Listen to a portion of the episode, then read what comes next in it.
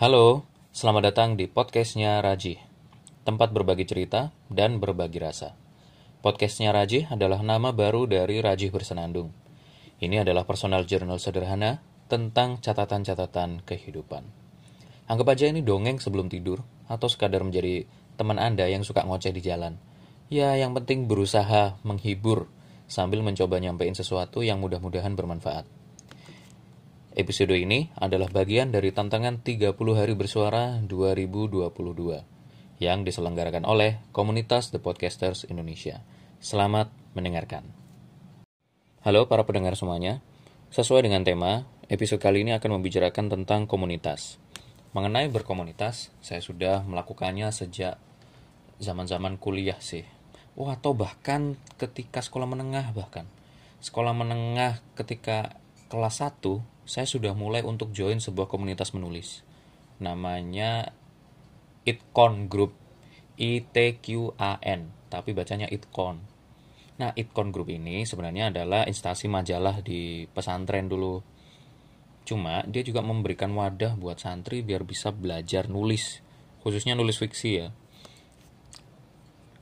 Waktu pertama masuk, kami itu dikasih tugas untuk bikin tulisan tulisan ringan aja judulnya Aku dan Gontor. Waktu itu kan saya anak Gontor ya. Dulu mondoknya di Gontor jadi nulisnya coba kamu tulis Aku dan Gontor kayak gimana. Macam-macam lah kami nulisnya. Uh, itu juga terinspirasi sama teman kelas saya namanya Darazat. Darazat nulis uh, waktu itu di kelas dia nulis Aku dan Gontor. Aku masuk Gontor tahun 2005 bla bla bla. Saya coba iseng ngintip Zat, kamu nulis apa? Aku dan Gontor. Oh, kok tumben? Iya, ini aku dapat tugas dari Itcon. Oh, eh, tugas? Tugas apa? Ini tuh syarat masuk untuk aku bisa ke Itcon. Karena nanti di sana aku bisa belajar nulis. Nulis fiksi, aku pengen bisa nulis cerpen. Kira-kira ya waktu itu percakapannya seperti itu dan membuat saya terinspirasi.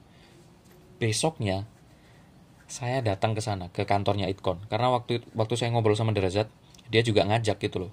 Kamu kalau mau ikut ayo aja ke kantornya Itkon di gedung Tunis lantai 2 emang boleh ya ke sana ya? Ya boleh. Banyak kok teman-teman anak baru yang ke sana. Oke.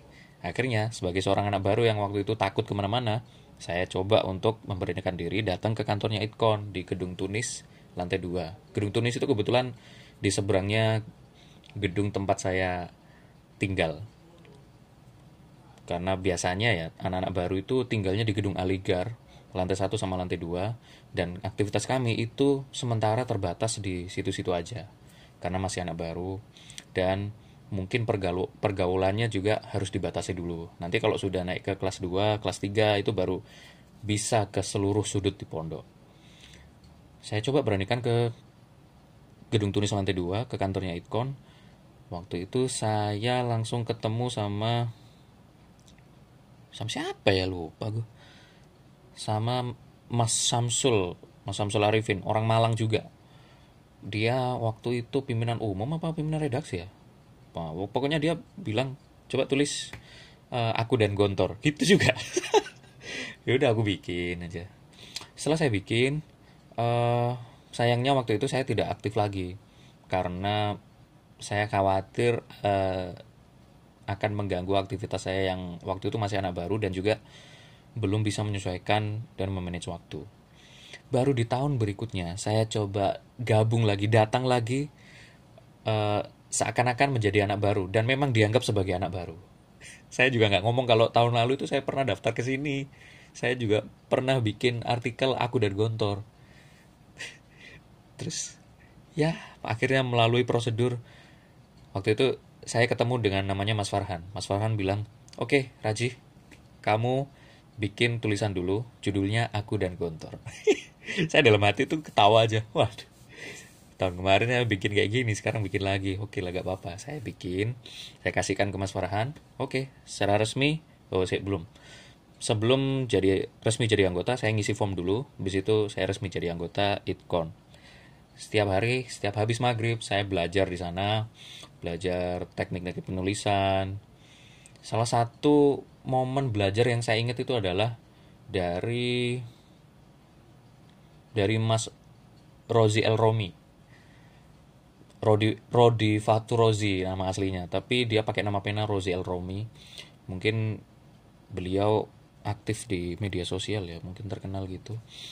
Um, waktu itu dia ngajarnya tentang bagaimana kita meng, menggali ide dengan sangat cepat ide tulisan caranya adalah dengan menghubungkan tiga kata yang berbeda kaitannya tapi dibuat dalam satu paragraf atau dua paragraf lah paling tidak itu yang pelajaran yang saya ingat misalkan ada komputer, ada cicak, sama gelas. Bagaimana cara menggabungkan tiga ini? Mau nggak mau kan saya mikir.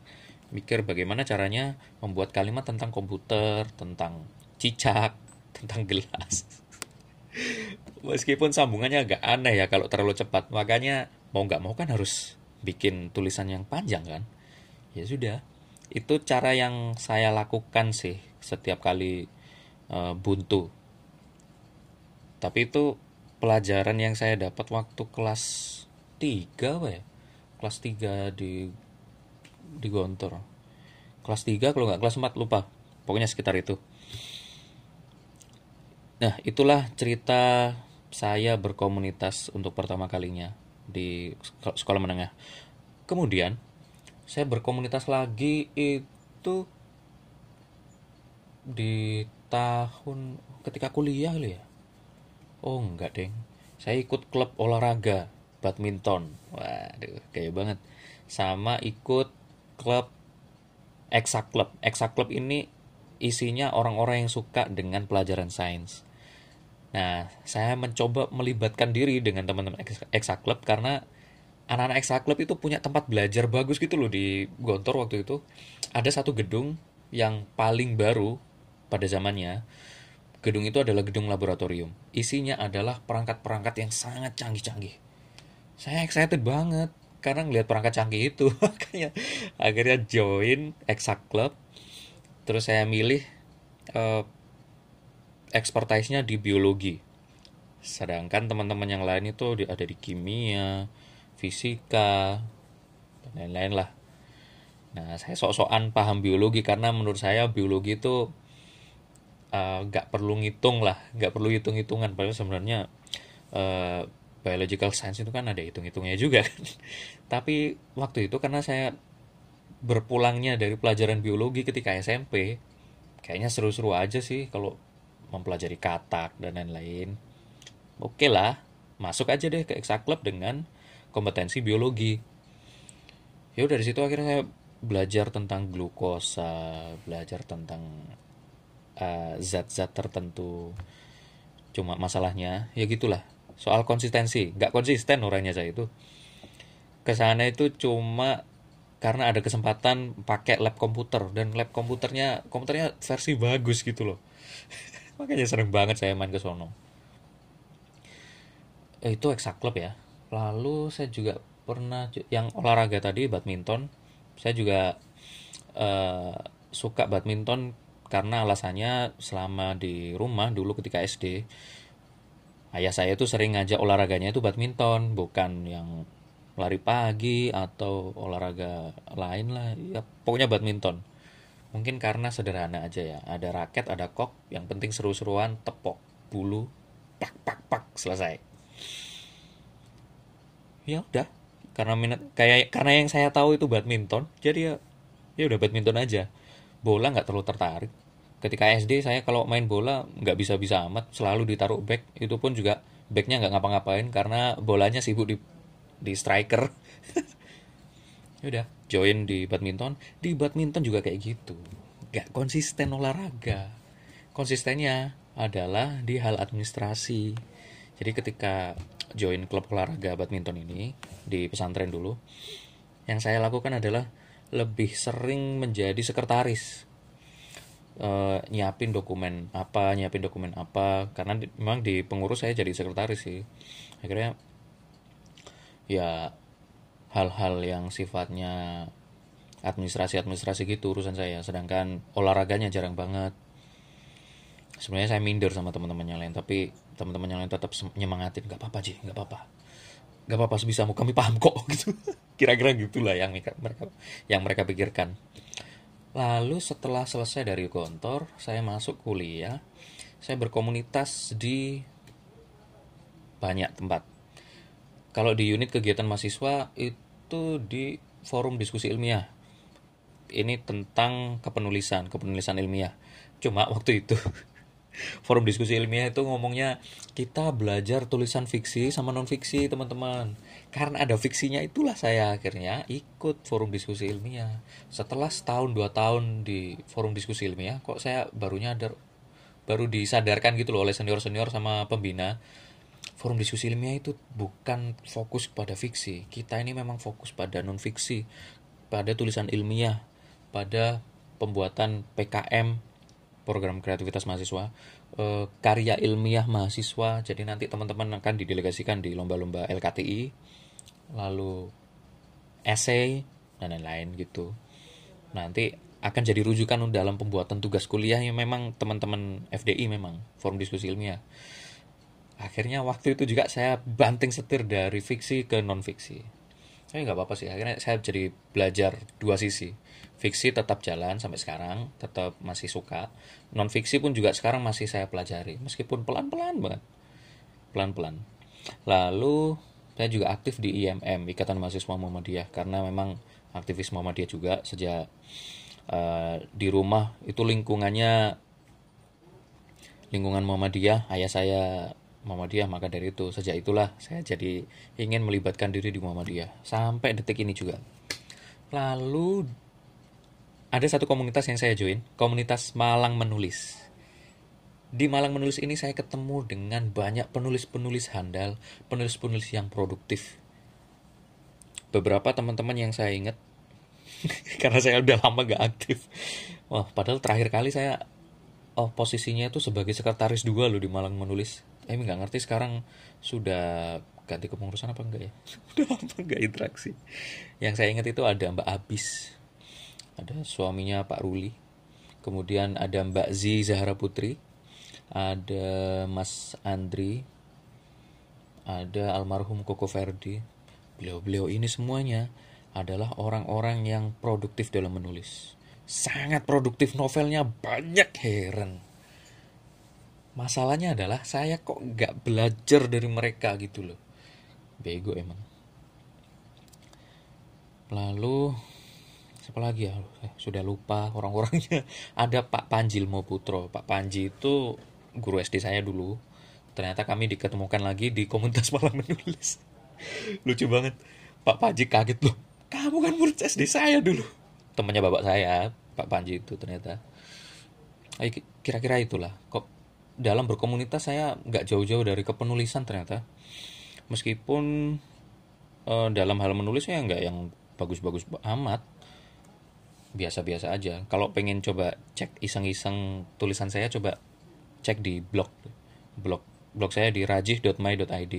Tadinya namanya juga Rajih Bersenandung, tapi saya rubah ke rajih.my.id. Podcast ini juga saya rubah jadi podcastnya Rajih. Aduh.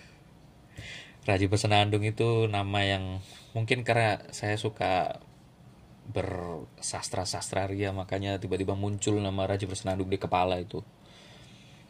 Kira-kira itu sih pengalaman berkomunitas. So intinya berkomunitas itu perlu loh. Perlu men. Oke lah kita akan ada uh, saat di mana kita punya kesempatan jadi single fighter orang yang bisa menerjang apa pun sendirian. Tapi masalahnya adalah sampai kapan? Itu pertama. Yang kedua, emang kita bisa? Nah, saya ingin mencoba pertanyaan yang sedikit skeptis dengan diri kita. Emang kita bisa dengan menjadi seorang single fighter? Enggak, belum tentu loh. Memang ada sih satu dua orang yang saya temui, dia itu nggak perlu berkomunitas tapi sudah strong dengan sendirinya. Karena mungkin dia dari sononya punya power dimulai dari hal kecil dulu tiba-tiba dia sudah bisa ngapa-ngapain. Kayak misalkan uh, oh nggak tahu ya Raditya Dika itu dulunya berkomunitas atau tidak? Menurutku dia dulunya bukan berkomunitas tapi single fighter. Cuma sudah punya bakat tersendiri gitu loh dari awalnya. Nah kemudian dia mulai berkomunitas di stand up comedy dan lain-lain lah.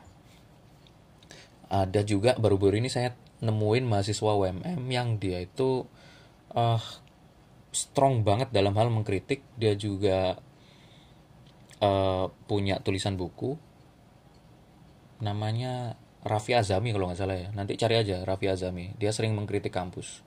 Karena dulu tadinya eh ketika sekolah menengah dia sering mengkritik sekolahnya. Dia bahkan bikin buku judulnya panduan buku panduan melawan sekolah kalau nggak salah. Dia sudah strong dengan sendirinya dengan kemampuan diri sendiri. Akhirnya dia tidak berkomunitas kalau saya lihat ya. Saya ngelihat dari jauh ini karena tidak mengenal dianya. Dia nggak berko tidak perlu berkomunitas dia cukup memberikan gambaran untuk komunitas-komunitas lain. Nah, cuma itu kan satu dari sekian ribu ya. Makanya eh, karena satu dari sekian ribu berkomunitas itu penting.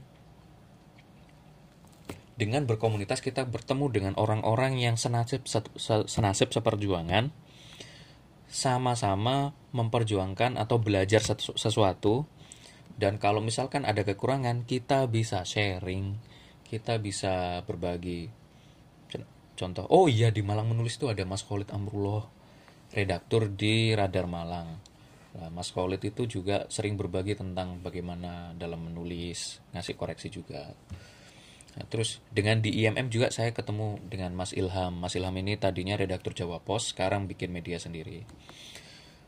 Nah, berkomunitas nanti itu yang tadi berbagi yang saya bilang, ketika kita adalah orang yang awalnya uh, pemula dalam hal menulis, kita akan ketemu dengan orang-orang yang mungkin sudah expert dalam menulis.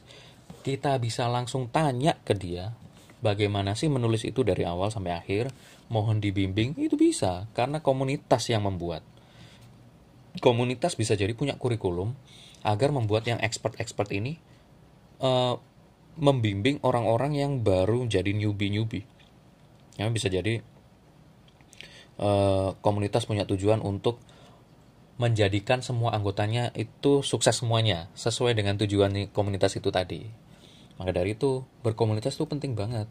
Belajar sendiri boleh tapi itu belum menjamin kita bisa menjadi uh, orang-orang uh, yang hebat seperti Radit Raditya Dika. Begitu. Karena ya itu satu dari sekian ribu gitu loh. Makanya berkomunitas itu penting. Uh, dan juga mungkin kita ketemu orang banyak di komunitas tuh jadi agak minder ya. Sebenarnya tidak perlu minder karena orang-orang di komunitas itu siap membantu kita. Sebenarnya siap untuk membantu kita. Tinggal kitanya uh, mau ber gaul atau tidak. Dan ada satu lagi komunitas yang saya join, meskipun nggak yang terlalu aktif. Ada komunitas uh, pemuda mendesa. Pem pemuda mendesa ini adalah luaran dari pelatihan anti korupsi di tahun 2017 yang saya join di Bandung. Isinya ya anak-anak muda, milenials gitu. Anak-anak muda, kemudian kelompok kaum milenials yang mereka ingin mengkampanyekan anti korupsi di beberapa uh, sektor melalui karya-karya di platform-platform tertentu seperti podcast, YouTube, blog dan lain-lain. Nah, saya juga join komunitas The Podcasters Indonesia. Joinnya sih nggak yang terdaftar daftar ngisi form. Oh, ngisi form nggak ya? Aku kayaknya ngisi form deh. Sampai lupa bos. Yang penting uh, dengan saya berkecimpung di Discordnya The Podcaster Indonesia, saya menjadikan eh, menganggap diri saya itu jadi bagian dari podcaster Indonesia gitu anggotanya saya juga dapat update ketemu sama orang-orang keren gokil banget lah saya bisa belajar sama orang-orang uh, yang sudah expert khususnya di podcast ya. Bahkan orang-orang yang sudah artis banget gitu loh ada di podcaster Indonesia jadi senang banget. Maka itulah berko ber berkomunitas itu penting gitu loh bro. Bisa memberikan kita kesempatan semacam jalan pintas untuk ketemu orang yang lebih expert dan juga kita bisa langsung belajar ke orang-orang yang sudah berpengalaman gitu. Nggak cuma ketemu tapi juga belajar langsung plus mungkin kita akan jadi lebih terpacu. Karena teman-teman yang lain mungkin sudah berkembang kitanya kok belum berkembang ya? Aku harus berkembang nih. Nah kayak gitu gitu komunitas itu membuat atmosfer tertentu agar kita bisa bersemangat. Ah, kira-kira begitulah tentang komunitas. Saya sih bersyukur bisa join komunitas-komunitas yang sudah saya geluti baik itu menulis di bidang penulisan maupun di podcast. Terima kasih. Sampai jumpa di episode berikutnya oh iya para pendengar semuanya Semoga Anda merasa terhibur dengan semua episode-episode yang ada di podcast ini. Jika Anda ingin memberikan dukungan kepada saya, atau istilahnya neraktir ngopi lah gitu ya, itu bisa banget melalui karyakarsa.com slash rajih bersenandung. Atau bisa juga di sociabus.com slash rajiaraki slash tribe. Terima kasih.